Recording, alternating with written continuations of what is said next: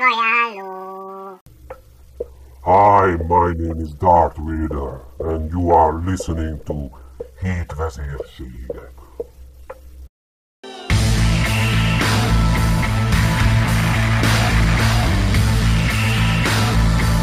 Sziasztok, én Dominik vagyok. És az Egyropi naplója Romhalmaz című könyvet hoztam el nektek.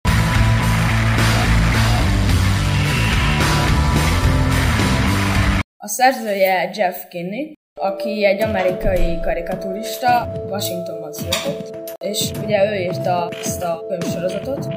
A történet úgy kezdődik, hogy Greg egy nagy takarításra készül, a szobájában először is a szekrényében kezdi el a takarítást. Eddig mindig csak bedobálta a holmiait, és így nagyon nagy rendetlenség volt ott. Ahogy egyre beljebb haladt, annál régebbi és kisebb koraiból való játékai és más egy holmia került elő. Aztán, amikor végzett, három nagy kupacba szelektálta ezeket, az, amit ki akar dobni, amit megtartott, és amit elajándékozott. De egyszer csak rájött arra, hogy ezeket a cuccokat nem kell se elajándékozni, se kidobni, mert tarthat belőle egy garázsvásárt. Így is tett, nagyon sok mindent eladott, közben az anyja kitalálta, hogy felújítják a konyhájukat, vagyis hát nem felújítják, inkább bővítik. Ekközben elhunyt Greg egyik távoli rokona, és a hagyatékából úgy döntöttek, hogy kibővítik ugye a konyhát. És meg is kezdődtek az építkezések, mikor hazaértem a suliból, az udvarunk tele volt melósokkal, meg munkagépekkel. Nagyon izgatott lettem, mert ez azt jelentette, hogy az átépítés nem csak duma volt.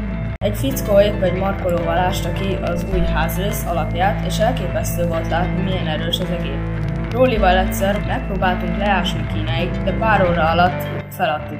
Bazzak, ha lett volna egy ilyenünk, akkor sima ügy lett volna az egész. Vajon elkérhetném a markolót egy körre? Csak mert van egy ötletem, hogy mire lehetne felhasználni. Elég meleg volt, ma anya meg biztosan megsajnálta a kemény güriző munkásokat, ezért vitt nekik pár pohár hideg innivalót. Én azoknak ajánlom ezt a könyvet, akik szeretik az ilyen vicces könyveket, és kicsit ilyen nem hétköznapi életű szereplők vannak benne, tehát mindig történik valami, ami, ami vicces, és, és lehet rá nevetni. Mi volt a kedvenc részed? Nekem az volt a kedvenc részem, amikor vitt a munkásoknak, Greg vitte nekik ebédszünetbe az ebédjüket, és az egyik munkásnak véletlenül beleejtette a szendvicsét a betonba. És aztán inkább bement a házba, és nem akart inkább segíteni, nehogy valami baja legyen.